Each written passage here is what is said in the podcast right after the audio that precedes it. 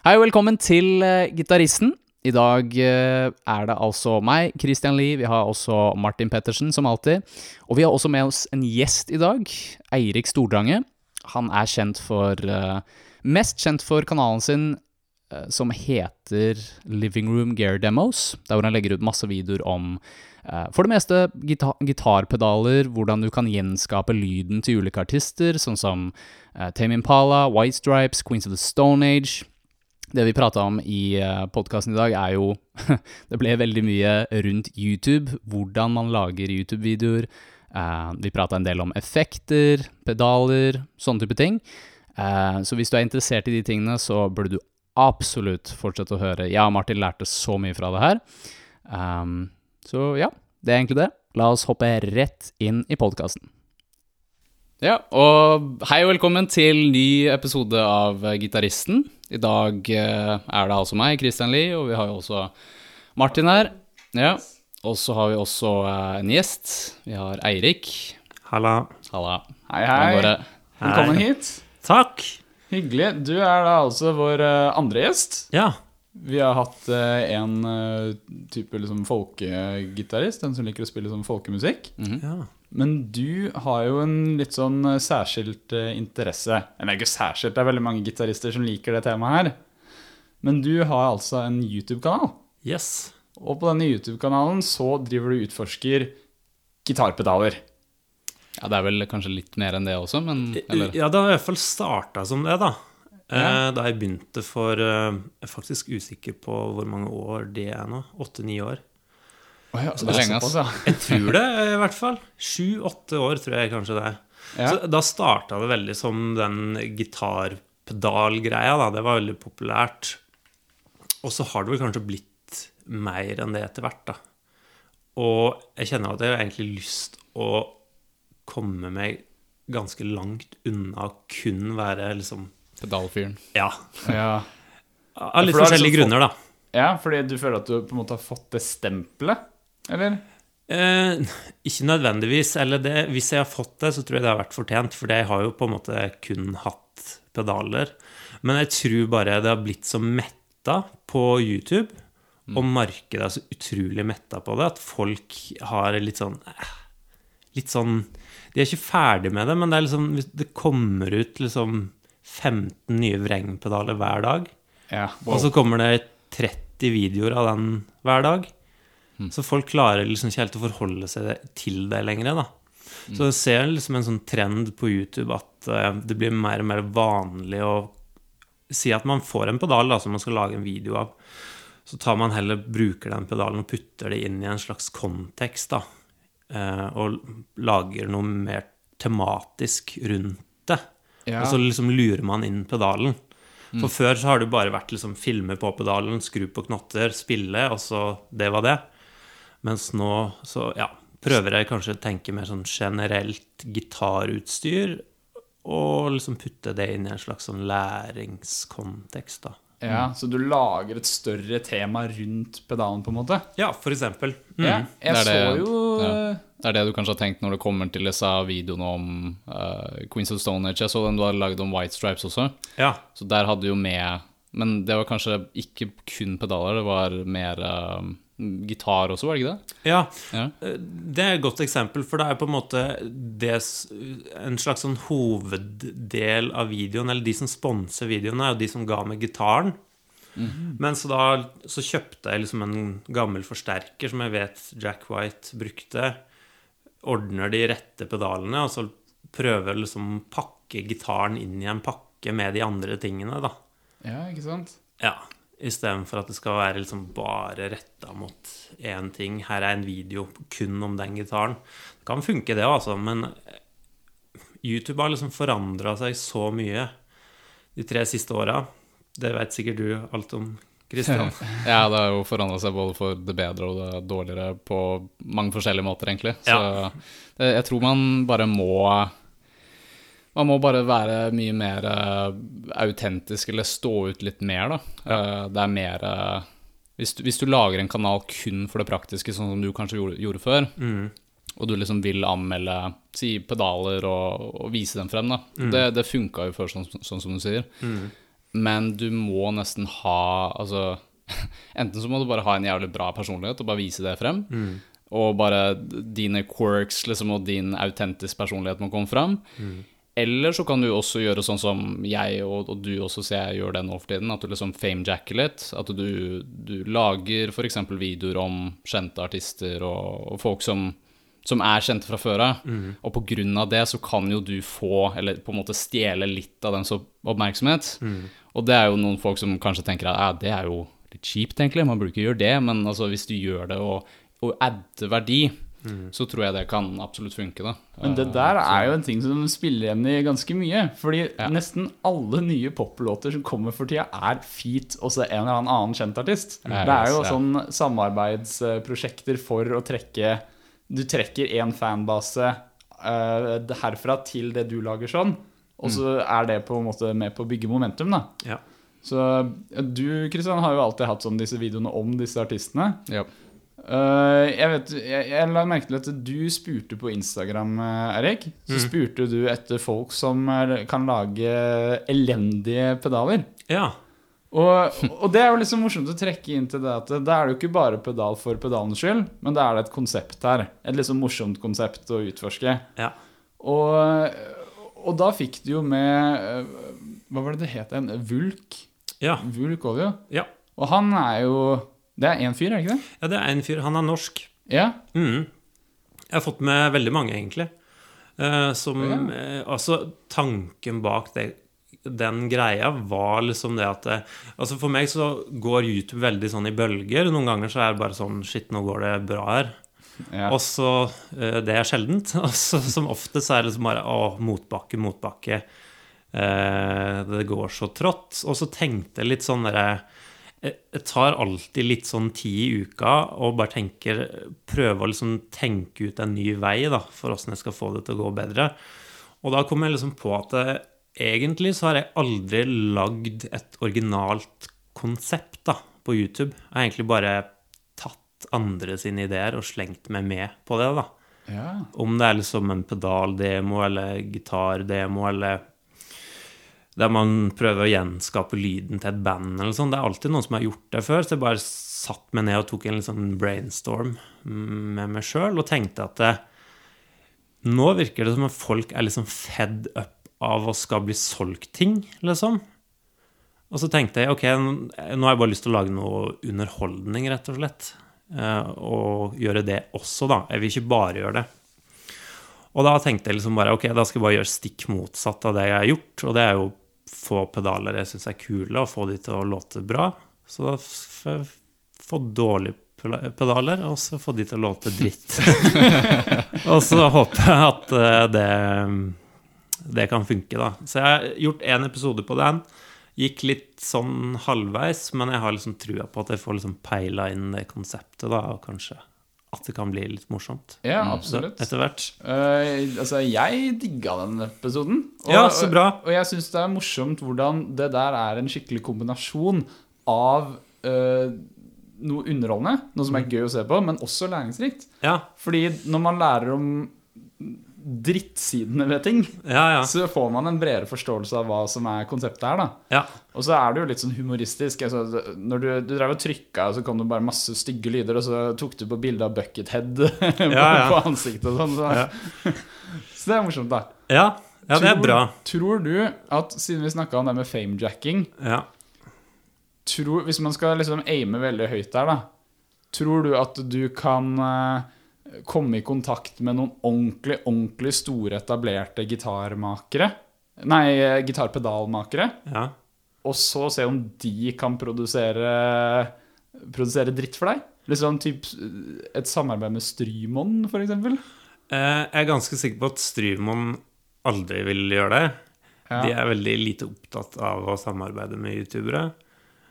Og jeg tror ikke helt de har den humoristiske sansen til å gjøre det, rett og slett. Nei. For de er så dønn seriøse. Men jeg er ganske sikker på at uh, noen av de andre relativt store kan ha lyst til å gjøre det. I, i hvert fall hvis serien slår an, på en måte. Det er jo litt rart da, at liksom ikke Siden sånn som du sier, det er jo et veldig metta marked. Hvorfor, hvorfor vil ikke pedalmakerne også prøve å tilpasse? Jeg ser jo veldig mange som faktisk å også, som sender ut pedaler til youtubere. Jeg fikk jo en pedal, eller en sånn preamp, sendt fra uh, Hva er det det heter for noe? Um, der dette Oi, husker du ikke hva det heter? Nei, jeg husker ikke hva det heter engang. Jeg, jeg bare satte det litt på vent fordi jeg skal lage video om det etter hvert, eller inkludere Ja. det på en eller annen måte. Ja. Uh, men uh, Horizon Devices, Ja. det er jo Jeg vet ikke om du har hørt om det? Jo da. Ja, jo. ja. Og de Det var han Misha. Det er Misha Mansour fra Ja. Periphery, ja. Mm. Og de var veldig sånn med en gang. Ja, selvfølgelig, vi digger kanalen din, vi har sett deg før, og liksom, ja, vi har lyst til å sende deg noe. Ja. Men så virker det som at det er uh, noen andre som er litt mer skeptiske, sånn som du sier. da. Men det syns jeg er litt rart, at liksom, siden du må jo nesten tilpasse deg hvis du i det hele tatt skal ha en fremtid som en produsent Ja. av noe. da. Jeg, jeg tror nok jeg har litt svaret på det. Og det okay. Altså, den til Vulk, da Den ga jo det, Jeg ga jo den en slags dom at den låt jo litt dritt, men den låt jo også litt tøft. Ja. Så den kan det jo på en måte være et slags marked for, da. Han kan jo selge de. Men hvis Altså, hvis noen virkelig går inn for å lage noe som låter dritt, så er det ikke noe marked for den pedalen. så Nei, det, det men det eneste er jo bare å vise at de er med på leken.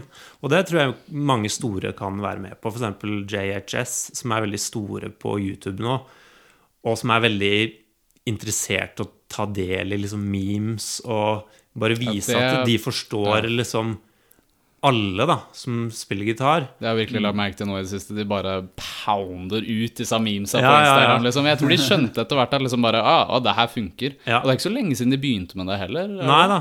Men eh, jeg har liksom sett på det JHS-show at de har veldig mye sånn sjølironi og har lyst til å vise det, det og sånn. Så det tenker jeg at sånn Det er noen som kunne slengt seg på og lagd noe dårlig en gang bare for at det er morsomt. Og så får du på en måte nevnt eh, Brandy i videoen. Men jeg tenker sånn Hvis jeg får den ultimate drittpedalen, så tenker du at det er et lite marked for, for den. Og det er jo noen av de jeg har snakka med, som syns det høres morsomt ut, og så bare sånn Å, skal jeg gidde å bruke ei uke på å lage en pedal som du skal bruke én gang? Og som folk sitter bare og ler av, og så Det er det, liksom. Jeg, jeg forstår jo den nå, liksom. Men er det da lov å trekke for en Boss Metal Zone?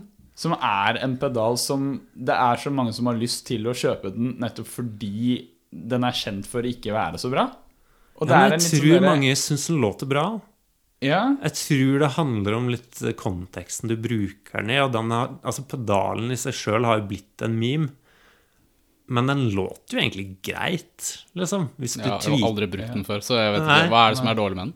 Hva er det som I- Altså, da den kom, så syntes jo folk den var dritkul. Fordi da var det jo ikke så enkelt å få en sånn type lyd så kjapt. Så da var det jo bare å ha en sånn dårlig forsterker hjemme. Liksom alle hadde en PV Rage eh, som de hadde som låter ganske kjipt. Og så putta de en metal zone foran, og så var det full fest med en gang. Men Er det distortion, liksom? Er det metalllyd? Ja, masse distortion. det, er- det er masse distortion, ja. Ja. Det var eh, på, nede på Musikkhøgskolen her i Oslo, Mhm. så var det en sånn halloweenfest for noen år siden. Ja. Og eh, da var det en som jeg har spilt i band med, da, en gitarist der. Halloweenkostymet hans var jo den pedalen, da. Ja, ja. Du har tatt en pappeske og malt om til den pedalen. ja. Tøft. Det Så det er er, en, det er et, eh, en legende, altså. Ja, det er en legende, og så har det blitt eh, Jeg har jo tu jeg var jo med på liksom å tulle med den veldig, ganske tidlig på YouTube. Det var egentlig den de første videoene mine som fikk ganske mye views på. Var, det ble veldig populært å gjøre sånn AB-video med sånne klonpedaler. Klon Ja, ja. ja. Og det gjorde jeg òg, og så gjorde jeg det så mye, og alle gjorde det, så tenkte jeg at jeg skulle gjøre narr av det konseptet, så da tok jeg og sammenligna den klonpedalen, da, som er en veldig sånn finesse overdrive-pedal som koster masse.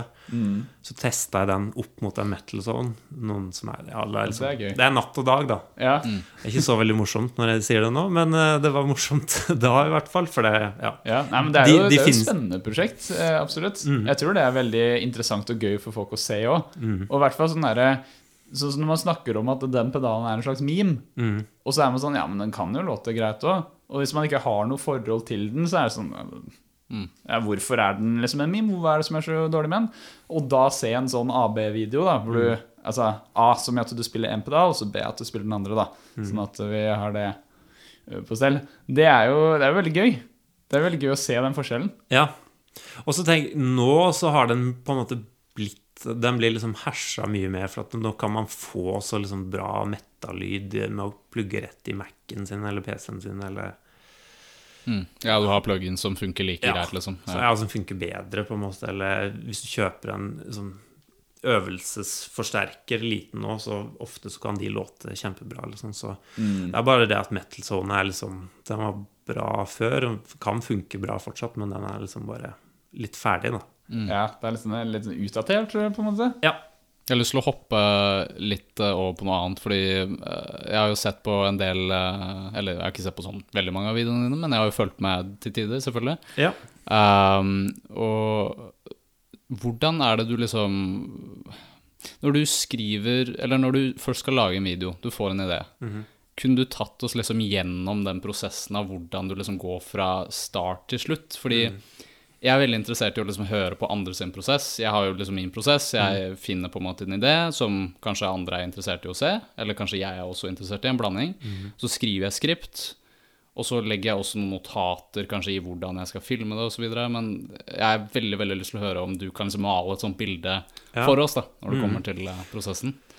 Det kan, kan nok skje ganske forskjellig, det her, altså. Og når det er mer sånn teknisk videoer, så skjer det litt bare av seg sjøl, fordi det er liksom bare å spille gjennom en pedal, og så litt ferdig. Men hvis jeg skal gjøre noe mer tematisk Så det jeg prøver å gjøre nå, er å få ut den ideen, og så la den ligge så lenge jeg orker. Fordi jeg har, har sett en tendens at hvis jeg går for en idé for fort, så flopper det. For jeg kan få en Ofte så får jeg ideer når jeg sitter og drikker kaffe på morgenen. Og da tror jeg jeg, sitter litt i sånn kafferus. Og da tror jeg ofte at ting er morsommere enn Det det faktisk er. Ja.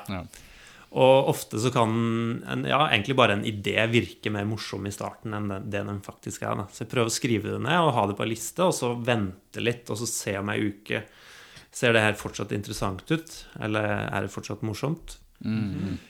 Noen ganger så er jeg for dårlig på det, og da kan jeg gå for det med en gang. Og da er det veldig sånn 50-50. Enten flopper det, eller så går det kjempebra. Kan jeg spørre om noe, da? Ja, Fordi du lagde en sykt morsom video for eh, ganske lenge siden. Som var sånne der, eh, typiske ting gitarister kjenner seg igjen i. Ja, jeg Ja, tror det var jeg eh, som viste den til deg. Ja, ja, du har vist den til meg, ja. uh, var den ideen Kom den i kafferus, eller måtte den myldre? Jeg tror den kom i kafferus, men jeg tror den tok så lang tid å tenke ut at den fikk liksom marinert seg litt, da. Ja. Så jeg tenkte at jeg var sikker på at ja, det blir sikkert morsomt når jeg først får gjort det. Siden det som er morsomt med den ideen der, er at du hadde jo en idé som var litt lik. Og så nevnte jeg det at ja, det høres veldig kjent ut, akkurat den videoen her. ja. For jeg, jeg satt også Altså, min morgenrutine består alltid av å drikke en hel presskanne kaffe. Ja, Og eh, i den kafferusen så kom jeg også på en sånn idé og hadde lyst til å lage en sånn type video. da ja. Og så viser Christian meg det at du har jo laget det, og så er det sånn Å nei! Helt ødelagt. ja det er jo en del av den prosessen. Hvis man lar uh, vente ei uke, så kan man jo finne ut om noen andre har gjort det før deg. da. Ja. Ja. Men jeg gjorde en sånn der veldig kort video som egentlig bare funka på Instagram, tror jeg. Nylig med eh, noe sånn John Mayer-greier. Alle drev og jamma med John Mayer på TikTok. ja. Fordi han spilte, liksom, og så liksom pekte han 'Nå kan du spille', liksom. Ja, stemmer Og så syns jeg det var så utrolig svett opplegg. Så da fikk jeg en idé om at eh, jeg skal hive meg på den, men istedenfor å liksom jamme, så skrur jeg bare alt på fullt og lager liksom bare støy med gitaren. da Og den var sånn Det syns jeg liksom var så morsomt idet jeg kom på det, så da bare stoppa jeg det jeg holdt på med. Da satt jeg og klippte en sånn lang video, og så bare Nei, fuck it, nå skal jeg gjøre den John Mayer-greia. Og jeg bare gikk jeg for det med en gang. Og filma det og klippte det på to timer, liksom. Ja, ja. Så det er Men- sånn spontant, eh, Ja. spontan flamme som Ja. bare Ja. Og, jeg, og den funka veldig bra på Instagram. Og så fikk jeg en annen idé forrige uke med øh, som jeg òg tente veldig på. Som jeg, det var veldig obskurt, men jeg liksom fant en akkord som låt den, Ja, den så jeg. Den Ja, derre King of Queens. Uh, King of Queens, ja. ja. som låt som alle, eh, Den låter som alle overgangene i King of Queens. Og så tenkte jeg ja, det skal jeg lage en video på. Og da gikk jeg liksom i kafferus og bare ja, gjør den. Og den ble altfor sær. Ja. For jeg tror, liksom, jeg tror kanskje vi nordmenn har, en, har et forhold til den serien. Men den, den er ikke like stor i resten av verden. Nei, Så så alle USA var litt- heller? Nei, jeg tror ikke det. Iallfall ikke blant den yngre generasjonen. Er jeg for gammel, fant jeg ut. Ja, bare, fordi jeg, jeg, jeg, jeg så den videoen, og jeg tenkte sånn ah, Ok, det er Grunnen til at jeg syntes at det var interessant, var fordi det er en av dine første shorts. ja, Så jeg tenkte ok, jeg lurer på hvordan han gjør det her, på en måte. da ja. Og jeg skjønte jo konseptet. Fordi jeg har jo sett på Seinfeld, og jeg har liksom sett på noen sånn litt eldre serier. Mhm. Akkurat Kongen av Queens har jeg ikke sett på, men, eh, men det er alltid en sånn akkord, virker det som. Ja, ja. Som er en sånn overgang, eller du har liksom en sånn liten sekvens der hvor man hopper fra scene til scene. Ja. Og da er det alltid liksom en eller annen sånn akkord eller noe sånn musikkinnslag som går mellom. Så Du, det ligger en gitar rett bak deg. Kan du ta den akkorden for oss? Ja. Og så greier jeg på King of Queens at eh, først så har de liksom kanskje bare en sånn vanlig akkordrekke. Og så slutter de på. Ja, ikke sant? Ja. Og da er liksom Og det der er spicy. ja, Og da Da kutter det alltid til liksom at du ser exterior, du ser huset, liksom. Og så kommer de inn i en ny scene. Ja, ja, ja. Alltid den akkorden. Blir det, da. Vet du hvilken akkord det der var? Nei, veldig dårlig på musikkteori. Så. Ja, ok. Jeg har på følelsen at du kom til å si hvilken akkord det var nå, siden du er veldig kjapp på sånn eh, ja. Ikke alltid, men noen ganger i hvert fall. Ja, ja altså, jeg, er, jeg er glad i musikkteori, men jeg må jo alltid um, forbedre gehøret, liksom. Ja. Så eh, jeg, jeg kaller det en spicy akkord enn så lenge. Ja. Så går vi for det. Lar det være en spicy akkord. Ja. Men eh, prosessen, ja. eh, hvis vi skal ta det litt fort, så er det liksom Når det, en idé har liksom jeg har bestemt meg for å gå for det, så er det Så må jeg se litt an. Noen ganger skriver jeg fullt manus. Eh, Som jeg da ofte kan ta eh, og bruke som teleprompter. Liksom, at jeg får snakke rett i kamera og leser manuset. Jeg synes det er det, det jeg pleier å gjøre per nesten hver eneste video, har Ja. jeg noe foran meg, liksom. Ja. Så mm. Så det er en måte å gjøre det på. Og så kanskje det jeg syns funker best, er å notere punktvis, og så snakke ut fra det. Men jeg bruker jo veldig mange takes og sånn, da. samme. Ja. Og så skriver jeg en sånn shotlist, da, som jeg liksom alltid skal filme. Eh, og så prøver jeg å bli bedre og bedre på når jeg lager den lista med alle de shotsa jeg skal ha, og ulike scenene, og bare igjen la det ligge litt for å vite at Ok, er, de, det interessant nok, liksom, det her, da? Eh, og hvis det er, kanskje det er noe liksom fyll innimellom, men pass på at det er liksom interessante nok ting innimellom.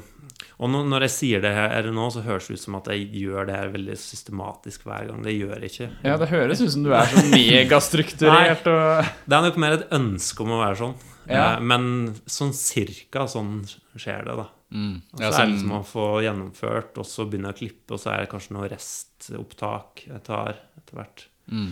Men um, det, ja, igjen, det er liksom et ønske om å være så strukturert, og så uh, Ofte har jeg for dårlig tid, rett og slett. For mange videoer som må ut. For mange liksom, sponsorvideoer som må ut. Så det Ja. kan gå litt over stokk og stein. For lager du videoer utafor din egen YouTube-kanal òg? Ja. Ja, ok. Er det en slags eh, dagjobb, eller? Eh, ne egentlig nei, for YouTube gjør jeg absolutt mest av. Men liksom via YouTube så har jeg lært å filme og liksom alle de tinga der, da. Så jeg jobber, gjør liksom frilans filmeting i tillegg, da. Ja, nettopp. Eh, blant annet uka som var, så hadde jeg den sprøeste jobben jeg har hatt noensinne. Jeg skulle filme kronprins Haakon på bes besøk på Stovner-senteret. Huh. Og Ah, så så uh, ble det en sånn misforståelse, for vi var liksom leid inn av senteret da, til å lage en video og ta bilder av en annen fyr. Men så fikk vi ikke sånn presseakkreditering. Det er problematisk, siden da får du ikke kommet inn bak innhegninga eller noe sånt? Er det det som er ting? Eller? Det er det som er litt vanskelig, for jeg er liksom vant med som presseakkreditering inne på et event. Og da, da får du ikke komme inn i det hele tatt. Men det her skjedde ute. Så det var alltid veldig uklart hvor grensa gikk for meg og han fotografen jeg var med. Å ja. Så først så tolka vi det som at ok, vi får ikke lov til å stå der. Så vi forholdt oss til det. Men jeg, jeg gikk jo og filma alle andre plasser. Og så da begynte han pressesjefen etter hvert å bli så forbanna. Så under en sånn seanse der eh, kronprinsen åt vafler, så ble jeg kasta ut fra en hage. Og det som jeg fikk liksom mest sjokk av, for det var kanskje ti andre som pressefotografer der, de begynte liksom De var utrolig kjipe. Drev og sladra på oss. Og så kunne de gå sånn forbi og så hviske bare sånn Inntrengere. Oh my Så det var akkurat akkurat Det er sånn- kjipt, ass. Sånn ungdomsskoleoppførsel, da. Ja, ja, ja. Skikkelig sånn Skikkelig douchey folk, liksom. Ja, ja. Bare har lyst til å jeg skjønner jo det at uh, det blei feil det med akkreditering, og det burde vi hatt. Men samtidig så hadde vi tillatelse til å filme. Så det, ja, det blei veldig sært. Og en vanskelig jobb å gjøre med en sånn pressesjef som nesten sp- sprang etter oss. På et tidspunkt så tok han tak i han fotografen som var med meg, i sekken og bare reiv den. Å. Så ja, det var et em, ganske spesiell dag eh, på jobb. Ja, det høres ikke veldig, høres ikke veldig, veldig digg ut å være på jobb eh, den dagen, eh, for å si det sånn. Det, Nei, altså jeg, jeg følte sånn Der og da så bare lo jeg litt og liksom kjefta tilbake, for jeg tenkte at jeg må bare gjøre jobben. Men på kvelden så bare følte jeg meg som en, en hund, liksom, som har bare blitt uh, pissa på. ja, Så da hadde jeg sånn dårlig fil på at For at jeg skjønte jo at fordi så framsto jo vi som inntrengere. Mm.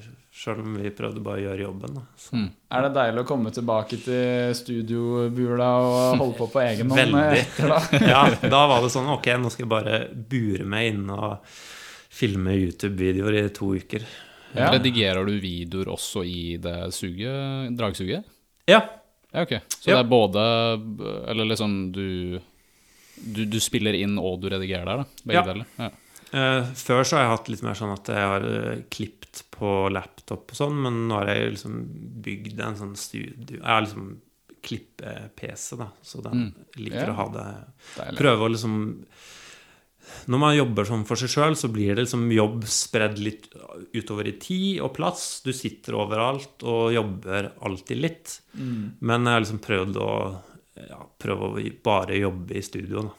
Mm. Men er du Siden jeg husker du eh, Når vi leide det studio sammen Eller du leier det fortsatt, holdt på å si, da, men eh, Ja. jeg husker du sa du Siden du hadde hatt en pause fra YouTube den perioden, husker jeg, hvis jeg ikke husker feil, og så ville du liksom prøve å gi det et nytt eh, shot, men er du liksom uh, Har du på en måte en strategi lagt opp for hvordan du skal komme deg dit liksom nå fremover? Er du veldig nært der hvor du liksom kan si opp jobben potensielt, eller er det fortsatt en sånn long term eh, plan? Jeg har sagt opp jobben. Liksom? Du har det? Ja, ja. Okay, så det her er frilans, liksom, som du gjør som fotograf? Ja, ja, ja. Video. Ja. Ja. Så jeg har ikke tatt noe pause, egentlig, fra YouTube. Men jeg har jo på en måte gjort det ved siden av en jobb, da. Som, Der jeg òg har vært fotograf. Men det, jeg sa opp den jobben for uh, snart to år siden. Et og et halvt år siden. Så da har jeg gjort øh, Det er litt vanskelig om man skal kalle det YouTube fulltid, men det er på en måte der jeg tjener mest penger, da. Mm. Men så gjør jeg òg de frilanstingene der jeg prøver å filme kronprins Haakon og bli jagd av pressesjef. Litt ekstremsport i hverdagen, ja. Eh, Så jeg gjør det også. og Jeg har ikke noen sånn direkte plan om å kutte ut det helt, fordi det gjør at jeg får kommet meg litt ut. Og så eh, kjenner jeg en del folk som jobber med det samme, så da får jeg rett og slett jobba litt sammen med folk, og det får man Hjelper ikke. litt, det også. Ja. Ja. Fordi eh, jeg er veldig glad å sitte aleine og jobbe i det studio. Jeg er veldig sånn Det er litt min sånn default måte å jobbe på. Bare sitte aleine. Men etter hvert så kjenner jeg at jeg har behov for å liksom henge litt med folk. Og Ja. jobbe litt med andre. Jeg føler det er YouTube-fella. At hvis du skal lykkes på YouTube, så må du åpenbart være veldig glad i å drive med det, og du må holde på med det mye over veldig lang tid. Og da blir det veldig mye sånn egenjobbing, og du sturer deg selv inne og holder bare på med ditt. Hvis det er det du velger som en pass, da, siden det kan jo hende at du kan samarbeide med andre folk også. Ja, Men, men det er litt sånn som Jeg tror kanskje 50% av musikere på YouTube er folk som, som sitter hjemme og lager musikk, og liksom som, som gjør noe selv og gir en verdi kun ved å være seg selv foran kamera eller å spille inn noe og legge det ut på YouTube. da. Men det fins jo andre uh, Hva skal man si Det finnes jo andre eksempler på folk som er et team også. JHS Pedals det er vel et team med to-tre personer, tror jeg. Som, Jeg tror det er enda flere. det, nå, det altså. er én dude som sitter foran kamera, i hvert fall. Ja. Men det er jo et team de har, da, I guess. Ja. Ja. Så, så det er jo mulig. Mm. Men altså, hvis du ikke er eh, hva skal man si, en slags manager-type, så blir det kanskje litt vanskelig å, å gå den veien. da. Mm. Jeg vet ikke. Jeg er jo veldig sånn Fordi jeg har jo også min egen YouTube-kanal og har holdt på en stund. eh, men det har jo bare vært litt sånn hobbygreier å, å holde på. Eh, jeg har jo på en måte ikke kommet noe sånn veldig lang vei, men jeg har jo hatt det veldig gøy med det. Og så ser jeg på dere to, da, som på en måte er Altså, dere har jo man kan jo kalle Eller man kaller det jo suksess. Dere har jo absolutt hatt suksess på YouTube som en kanal. Og jeg, jeg bare lurer Hvor lang tid tok det fra dere starta til dere fikk på en måte den første, den første krona inn? Sånn med YouTube-reklamepenger, liksom. Ja, eller ja, nå, Jeg vet jo ikke åssen man får penger.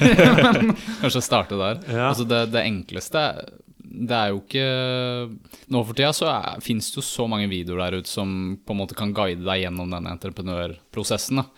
Fordi det er veldig mange som prøver å emphasize det at ja, hvis du er en YouTuber, da er du også en businessperson, eller selvstendig næringsdrivende, som man også kan kalle det.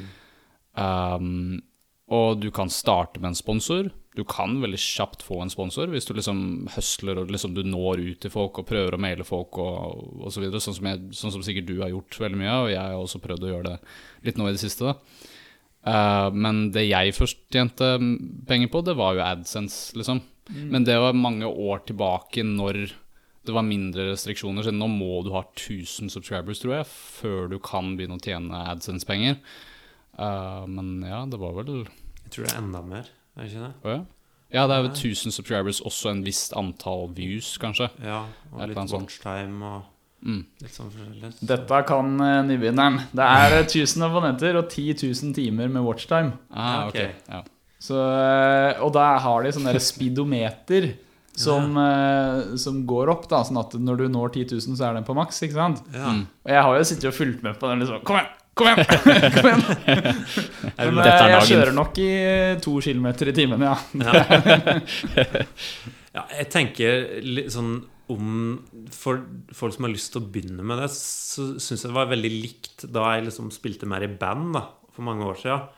Så huska jeg at jeg hadde veldig sånn fokus eh, Eller som alle i bandet hadde, sånn veldig fokus på sånn der Ja, når skal vi liksom bli oppdaga? ja. Og da var jo fortsatt eh, platekontrakt litt mer vanlig og sånn. Og så bare når skal vi få det? Og til slutt så tror jeg vi bare altså, så, så glemmer en helt å tenke på at en skal lage bra musikk og spille for folk og gjøre det så godt som mulig. Mm. Så jeg tror jeg har sett mange som har kontakta meg om den YouTube-greia, at de vil veldig fort komme opp på den, da. Mm. Men så tenker jeg bare så fort som Eller det de burde bruke energi på, er bare lage best mulig innhold. Så vil det bare komme som en sånn bieffekt av det. Og det tror jeg kan skje ganske fort hvis du treffer bra på YouTube nå. Mm. For YouTube Det har blitt veldig annerledes, men jeg tror det kan gå mye kjappere nå enn i starten. Eller før, da vi begynte, liksom. Da var det mer sånn jobb hardt og stødig, så bare klatra du deg oppover. Men hvis du treffer på ei sånn god åre nå med originalt innhold, så kan du bare skyte av gårde ganske kjapt, altså. Mm. Ja, hvis du har en nisje, liksom. Ja. Du, hvis du har én video som tar av, og den videoen har potensial for å liksom bli en slags serie, tror jeg, så, og du lager mer av det, så kan det ve veldig fort bli en Da har du plutselig et konsept med kanalen, tror jeg. da. Ja.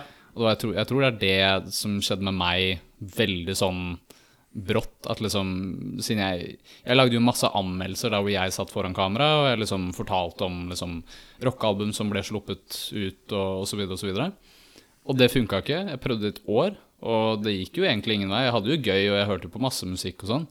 Men så prøvde jeg noe nytt, og det var den, disse dokumentarene, og det tok jo helt av fra første video. Og så var det jo i kombinasjon med det som jeg også liksom prata litt med deg om, at liksom tags og sånn kan også I hvert fall før, for noen år tilbake, så var det dritviktig, liksom, hvis du var en ny kanal. Eh, hvis du hadde riktige tags, altså hvis du lager et, en video om noe som folk faktisk søker etter, da, og som det er veldig få videoer på, så vil bare YouTube liksom promotere videoen ut i helvete, liksom, og det bare, mm. bare går dritbra, på en måte. Mm. Så, så den første videoen der fikk jo liksom over 100 000 liksom første uka eller et eller annet sånt. Jeg bare satt der med mobilen og bare eh, Hva skjer nå, liksom? Men var det Så- ideen fikk du ut fra sånn, et sånn tags-verktøy, da? Du så Ja. at uh, det, var, det er mange som søker på, og det fins ingenting på det? Det, det var egentlig litt blanding. Fordi jeg personlig Altså, jeg, jeg hadde jo prata med en kompis på den tida som var veldig interessert i Pink Floyd. Og han sa det at eh, ja, du burde sjekke ut uh, tidlig historien til Pink Floyd, fordi han eh, duden her, Syd Barrett, er jo dritinteressant, liksom. Fordi han tok jo LSD, og han var dritflink til å spille gitar, og så bare plutselig ble han borte fra Pink Floyd. Og det er en sånn mystisk karakter innenfor rockehistorien, på en måte, da. Og øh, Så jeg tenkte at ah, det hadde vært fett å gjøre noe, men det hadde vært fett å lage en dokumentar, tenkte jeg. Og så var det egentlig bare tilfeldig at jeg tok det kurset på den tida, som var sånn tag research. Men jeg tror det at jeg hadde en idé som jeg syntes var interessant, tilfeldigvis var det sånn at veldig mange andre også syntes det var interessant. Og så la jeg jo på de riktige tagsene på den videoen, og da funka det jo bare kjempebra, da, I guess. Har du noe forhold til det?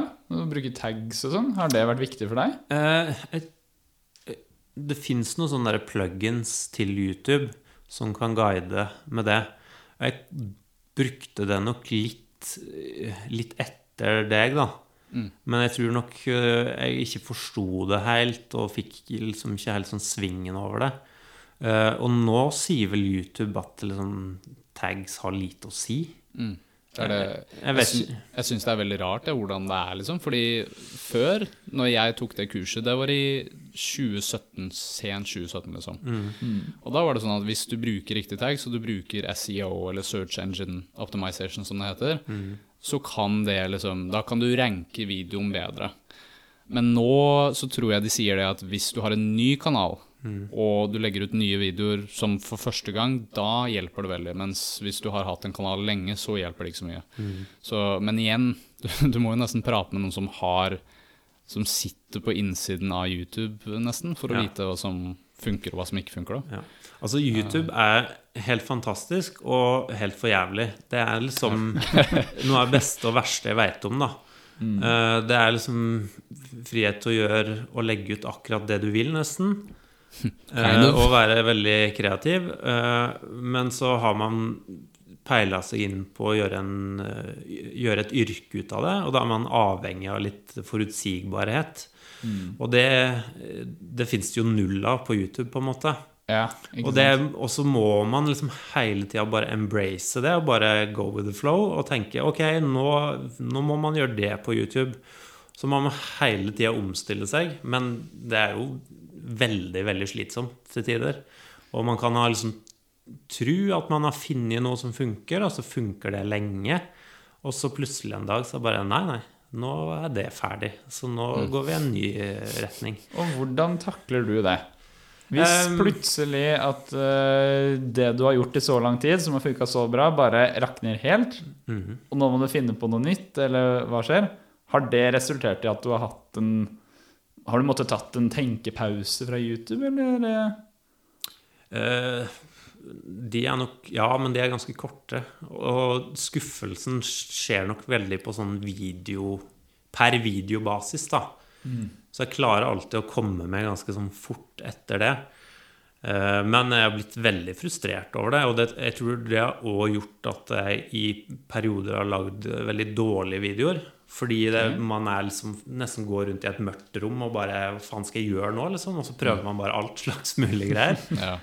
Eh, Så jeg, jeg, tenker liksom eh, Jeg tenker det For mange så er ikke det et spesielt sunt yrke å ha, altså. Eh, Eh, med mindre man er dritgod på det, eller har flaks. For sånn som jeg ser YouTube har blitt nå, det har blitt en sånn YouTube går for liksom superviews. De vil at en viss antall videoer skal ha mest visninger, på en måte. Som hele tida blir pusha da, inn i den mølla. Ja. Og hvis man ikke klarer helt å bli en del av den, og liksom treffe på de algoritmene, så er man ganske liksom fucka, da. Før så kunne man liksom hvile litt på at man har bygd opp en bra eh, subscriber base, da. Altså, ok, jeg har 90 000 følgere, vil si at jeg klarer å lande så og så mange visninger per video. Og det er enklere å selge til en sponsor òg. Si at eh, send meg den greia der, så får jeg 10 000 views minimum, da. Og så kan det òg bli mer. Men nå er det liksom sånn Ja, vi kan godt ha en sponsoravtale. Det kan hende dere får 1000 views eller en million views. Så dere kan bli med på det lotteriet hvis dere har lyst til det. Jeg tror, eh, jeg tror eh, det er derfor det er kanskje viktig å liksom bygge sin egen Jeg, jeg prøvde å studere litt sånn markedsføring også, Ja. med tanke på det her. Fordi som du sier, det er jo så mye usikkerhet rundt liksom, det å ha en YouTube-kanal. Um, og det veldig mange har anbefalt gjennom de siste 10, nesten 15-20 årene, tror jeg, er å bygge en e-mail-liste. At liksom det er en litt mer sikrere måte å på en måte eie publikummet ditt, da, ikke sant? Working on it, for å si det sånn. Ja, det gjør det. Ja.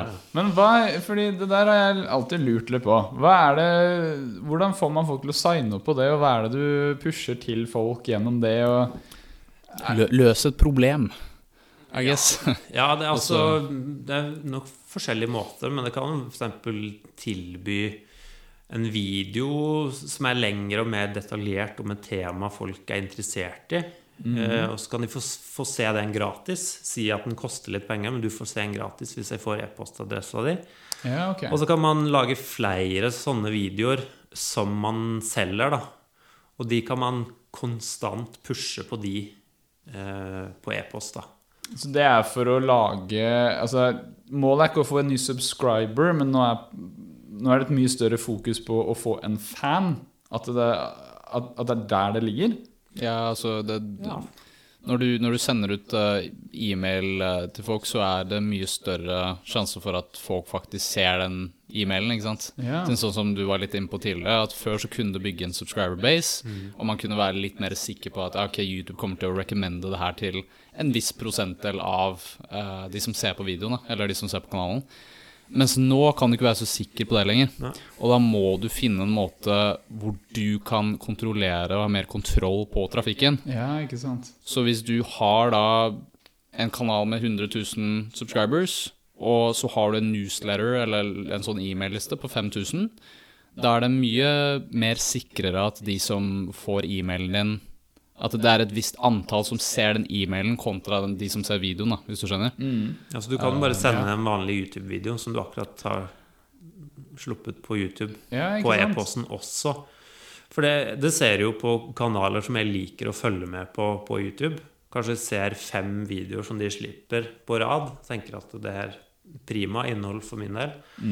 Og så kommer det én video som er liksom litt uinteressant. Så skipper jeg den.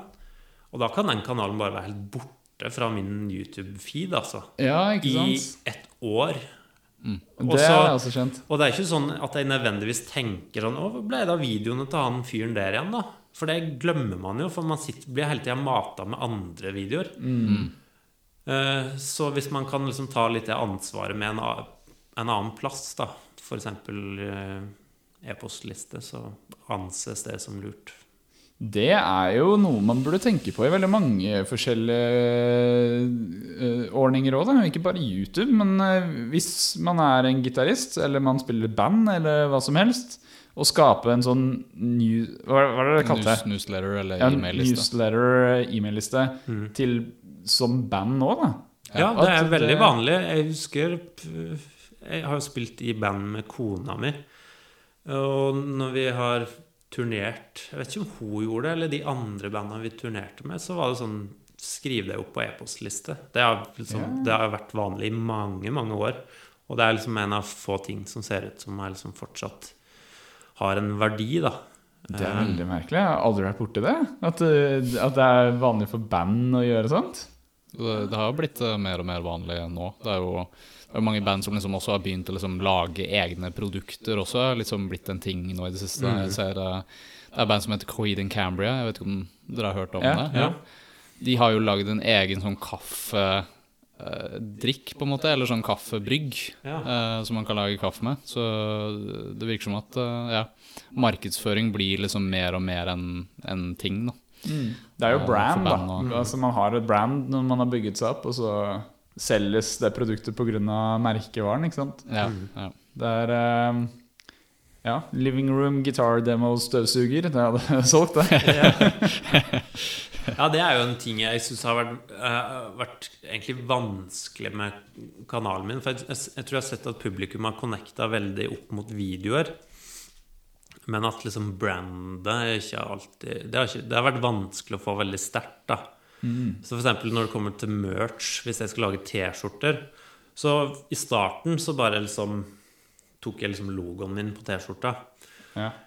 Og det kjøper Du skal være ganske hardcore fan for å kjøpe ei T-skjorte som det står 'Living Room Gear Demos' på, liksom. Åssen statement er det, er det jeg går rundt med, liksom? Så det jeg finner ut for eksempel der, er at eh, da må jeg heller bare prøve å altså, lage andre ting eh, på den T-skjorta som jeg veit at eh, åssen folk er som ser på kanalen min. Jo, det er jo selvfølgelig folk som er glad i gitarutstyr. Så har du heller noe gitarting da, på den T-skjorta som de mer sånn følelsesmessig klarer å connecte til, og som de har lyst til å kjøpe istedenfor Så da får du noen til å lage en ræva pedal til deg, og så smekker du logoen din på den pedalen, og så massedistribuerer du den. Ja, for eksempel. Og så er det igjen der hvem har lyst på den ræva pedalen. Eh, Ja, det skaper kanskje ikke så bra assosiasjon til deg som eh, kanal heller, hvis hele poenget er eh, Ja, jeg har merch fra han her. Ja. Det er dritt. ja, ja. Og det er jo også, Jeg vet ikke om jeg sa det i stad, men det er jo òg at noen har takka nei til det konseptet, da. Ja. Bli med. Fordi man skal ha en liksom dose sjølironi. For ellers så blir man Man har ikke lyst til å på en måte få det på seg at du lager dritt, ikke sant? Nei. Men jeg tenker jo de fleste vil jo klare å skille det.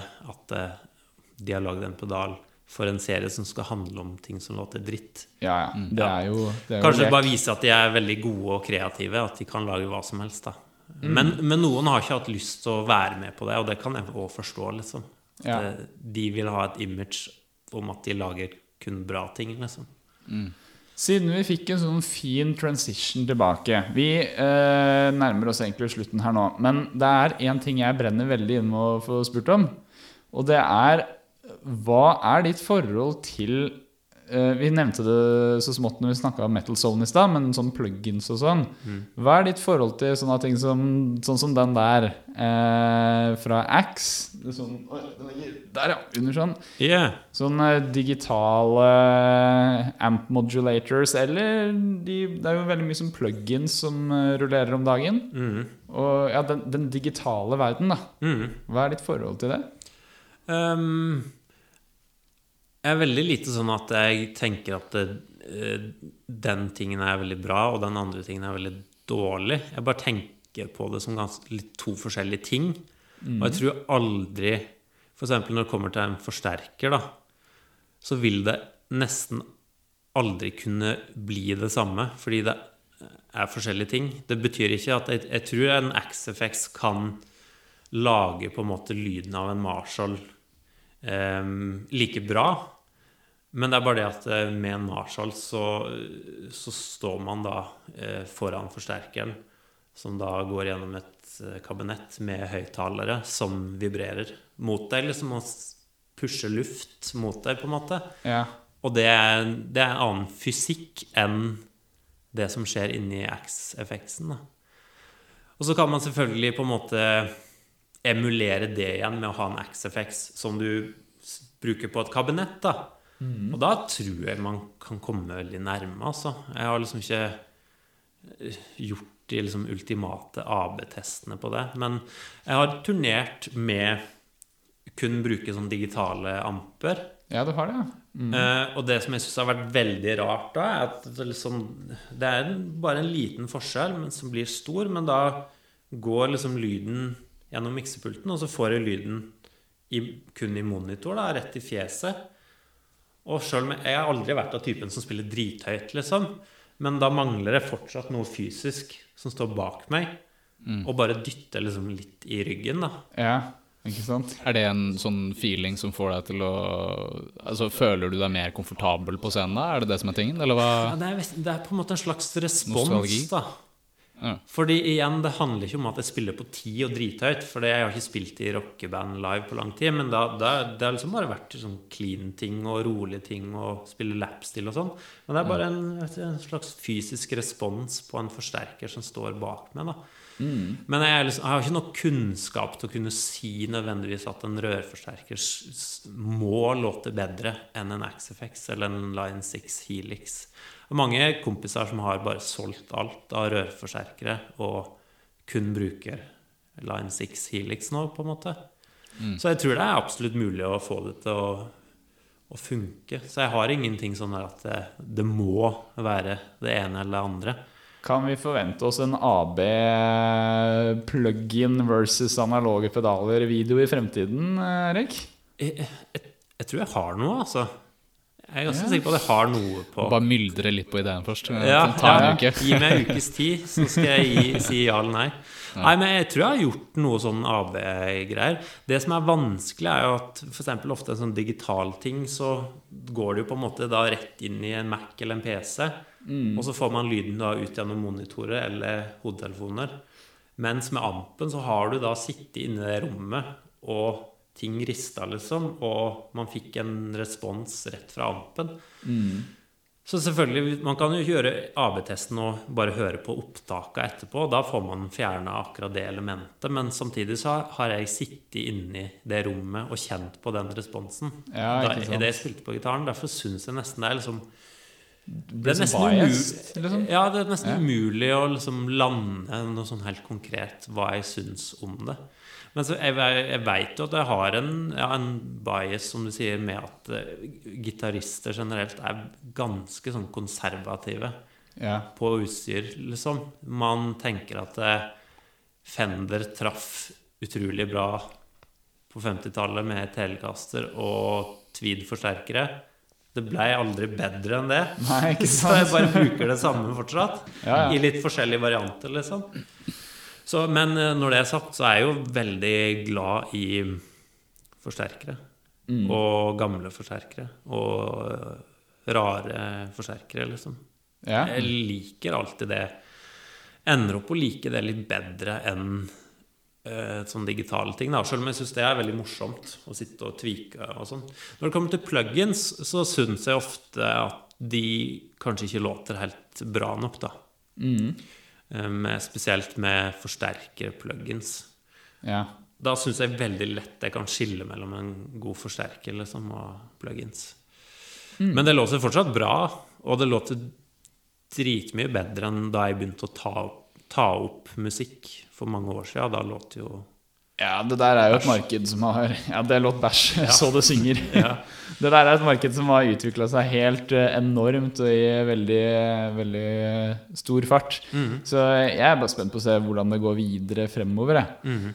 Men um, vi har hatt en uh, god diskusjon her i uh, nærmere en time nå. Ja. Uh, vi hadde som mål å satse på 40 minutter, men sånn går det når tre gitarnerder begynner å snakke om egentlig ikke så mye gitar. Mest YouTube, ja. Ja. YouTube, altså, jeg kan Som jeg sa, YouTube det er liksom både så bra og så dritt. Så jeg, liksom helt, jeg kan snakke evig om det, mm. egentlig. Ja. Det bare, man har bare lyst til å liksom ha noen å resonnere med når det kommer til the pain and the Ja, ja, fordi det pleasure, er, det er jo ikke noe man treffer så veldig Det er ikke så ofte man treffer andre youtubere, f.eks. Nei, Det sant. men vi sitter her alle tre og lager eh, innhold om musikk på YouTube. Mhm. Og eh, jeg har ikke eh, det har ikke gått eh, en sånn veldig suksessfull vei med akkurat det. Men jeg har sittet og brukt utrolig mye tid da på å jobbe med video og bli så god som overhodet mulig på det. Ja. Og nå har jeg akkurat eh, fått en jobb eh, som Ja. videoeditor hos et selskap. Nei, seriøst? Ja. Ja, Du sa ikke det i dag Nei, tidlig, men gratulerer. Ja, takk, fy takk. Takk. Så det er jo liksom Jeg tenkte litt på det også når vi snakka om det med å sitte inne og eh, at det er litt sånn det med YouTube og bure seg selv inne og holde på. Man, man nyter veldig godt å Da har du løsningen rett foran deg nå med, med den jobben, vil jeg tro. Ja, ikke Eller, ja. sant? Mm. Så sånn, det er eh, nice. Man lærer jo Altså For det første bare med å bruke YouTube av å lære av andre. Eh, antar at du har sikkert lært litt om klipping fra folk på YouTube. Ja, det er Men- jo akkurat det. Ja, og bare det å være YouTuber, så må du bare lære alt. Så man får jo veldig mange ferdigheter da, av å være YouTuber. Ja, Mm. Men du, eh, Erik, du er jo helt sinnssykt latterlig god på filming.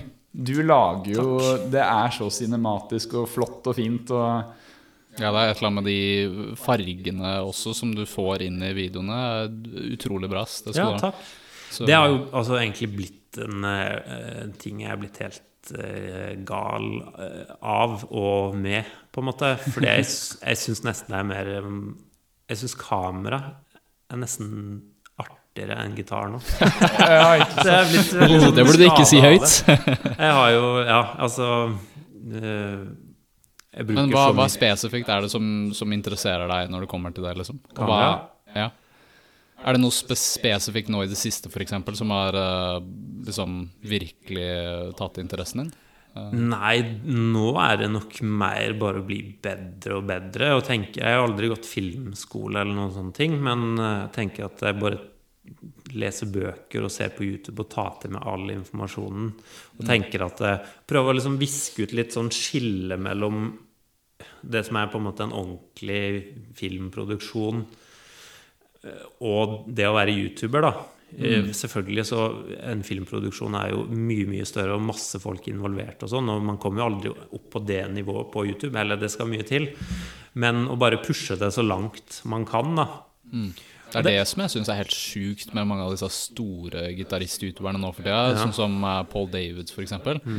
Noe han gjør jævlig bra, er at han Altså, alt virker liksom på plass. Det er bra overganger, det er bra farger. Det er liksom Han har en sånn rolig karisma foran kamera som liksom bare translater veldig bra til det å lære gitar, da.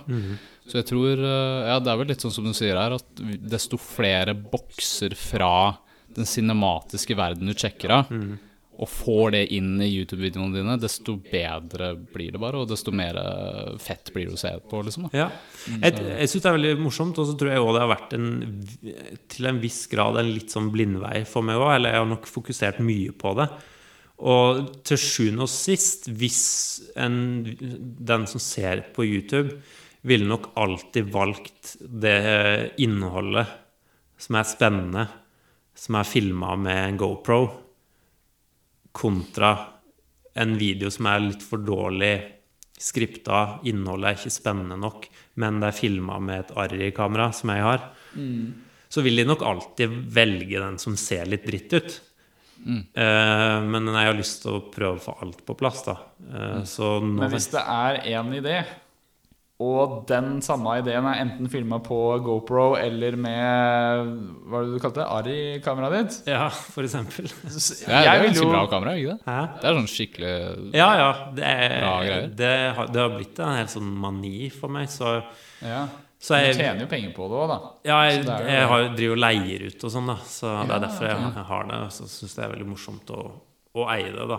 Men det er et godt poeng. Hvis man har liksom samme idé, så er jo selvfølgelig Så tipper jo det vil trumfe den som er bra gjennomført som filmmessig også. Ja. Men jeg ser jo det. Jeg kan jo bli sånn frustrert hvis jeg har brukt veldig mye tid på penger på filmutstyr og klippeprosessen og color graded-prosessen, og så, kom, så ser man en annen kanal så bare Ja, de bare filmer alt på Huawei-telefonen sin, og det, den får Ja, ikke sant? De får eh, 100 000 visninger på hver video, så Det var sånn jeg holdt på hele, et helt år Det hele første året med YouTube. Det var filma på Huawei-telefonen min. Ja, ja.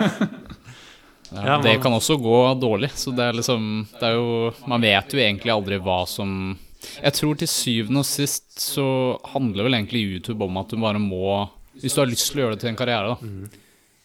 Det lønner seg å lære kamera. Det lønner seg å lære gitar, eller hva enn du viser frem i videoen. Det lønner seg også å liksom kunne teknikken bak YouTube. Generelt sett så lønner det seg egentlig bare å lære så sinnssykt mye som mulig. Og liksom ikke putte alle eggene i én kurv, på en måte, tror jeg. da Det er veldig gøy at du sier, for nå har jeg lyst til å runde av med et spørsmål. Dere Sure, har holdt på med YouTube i mange år. Og vi snakka litt i stad om hvordan det, dere tenkte det var å starte da kontra å starte nå. Hvis det er noen som hører på denne podkasten, som driver med litt gitar, og kanskje kunne tenkt seg å lage litt type gitardrevne videoer, hva er den viktigste tingen å tenke på hvis de skal starte med en YouTube-kanal i dag? Eh, For å si to ting. Ja, eh, jeg foreslo én. Si så mange dere vil. Nei, jeg, jeg tror liksom For å hekte det på litt det, så, så er det jo mange ting man må lære seg og sånn. En ting som jeg tror mange hopper over, både, både når det kommer til det å spille gitar og å være kreativ, er at de har en for dårlig kritisk sans til det de holder på med. Eh, Det er liksom fin balanse. men man må alltid bare kunne liksom se på seg sjøl og tenke er det her bra nok? Eh, hvis ikke, så eh, må det bli bedre. Alltid liksom ha det Være veldig kritisk til seg sjøl. og selvfølgelig Når det kommer til gitarspilling, så har jeg vært for kritisk. Jeg var veldig sånn redd for å spille live før. og for eksempel, jeg er veldig, ganske sånn dårlig sånn sologitarist, og det har bare vært fordi at jeg har liksom bare frykta det så mye. For jeg har alltid bare prøvd, og så bare Nei, det er for dårlig. Ja, Og vært for dårlig til å liksom vite hvordan jeg skal bygge videre på det. Men jeg ser nok òg for mange som bare buser på uten å se seg tilbake. da. At man må være litt kritisk til det man holder på med. Også det andre er vel bare å være original, rett og slett. Jeg tror det er så lett når man skal begynne på YouTube. Man, man blir selvfølgelig inspirert av andre. Og så får man lyst til å gjøre det samme. Eh, men da må man enten gjøre det bare ti ganger bedre, eller så tror jeg nesten det enkleste er bare å finne på noe helt nytt. altså. Ja, Men er det så enkelt? Å finne på noe nytt? Nei, det er eh, Jeg har jo fått det til kanskje noen ganger, men eh, Nei, det er vanskelig. Men det er litt igjen med å, å stoppe opp litt, da. Og bare ta litt sånn tenkepauser og idémyldring istedenfor bare å liksom buse på. Det er bra å buse på, altså. Men eh, litt av alt. Ja, ikke sant? Og det er noe jeg skulle ønske jeg gjorde mer tidlig, altså. Å var litt sånn derre eh, Ja, prøve å finne på noe nytt, liksom. Mm. Eksperimentere og, og se om det er en annen vinkel du kan ha på noe som kanskje allerede eksisterer, liksom. Ja. Ja. Hva tenker du, Kristian? Um, ja, hva tenker jeg? Um, det er et veldig godt spørsmål, ass, men uh, jeg tror hvis, hvis jeg f.eks. hadde valgt å starte en kanal på nytt igjen nå, med det jeg allerede vet Hvis jeg skulle starta for første gang, så hadde det vel vært det at man uh, Tenk på det som en som en karrierevei, på en måte, og, og ikke um, um, og ikke, ikke være redd for å liksom prøve ut nye ting. Siden hvis du, hvis du starter med YouTube, og du liksom Uh, det, er, det er veldig mange som er entreprenører, f.eks., som i hvert fall tilbake i 2015-2016 og sånn, som sier ja, du må kun bare høsle og høsle og bare gi ut videoer hele tiden, og så finner du til syvende og sist noe som funker. Men tingen er at hvis du legger ut det samme i flere måneder, og det ikke funker, da må du nesten være litt kritisk til deg selv, sånn som du sier. Kanskje jeg burde eksperimentere, kanskje jeg burde lage noe som er annerledes enn det jeg gjør allerede, fordi det funker ikke. Så eksperimenter er vel det jeg ville sagt. Prøv å eksperimentere så, veldig, så mye som mulig, og, og tenk på det som en karriere, ikke ta det sånn halvseriøst, ta det 100% seriøst, liksom. Uh, ja, det, det er det jeg ville sagt. All right, takk for det. Eh, veldig spennende samtale. Det, det som jeg syns er morsomt med denne praten, her, er at vi det hadde planlagt det sånn smått hva vi tenkte vi skulle gjøre. Det var jo ikke sånn det gikk i det hele tatt. Men det er det som er hyggelig. Bare kunne ta en liten prat. Ja. Så tusen hjertelig takk for at du kunne komme hit i dag, Eirik. Bare hyggelig. Veldig koselig. Ja, eh, Hvor eh, kan folk gå hvis de skal se dine videoer? Eh, en plattform som heter YouTube. Oh, really? Hmm. What's that? Nei, det er vel der jeg er mest aktiv, ja. Uh, living Room, Gear Demos eh, og et navn som jeg begynner å bli litt sånn te- Nytt tips til det du spurte om i stad. Tenk ut uh, bra bandnavn eller navn på ting.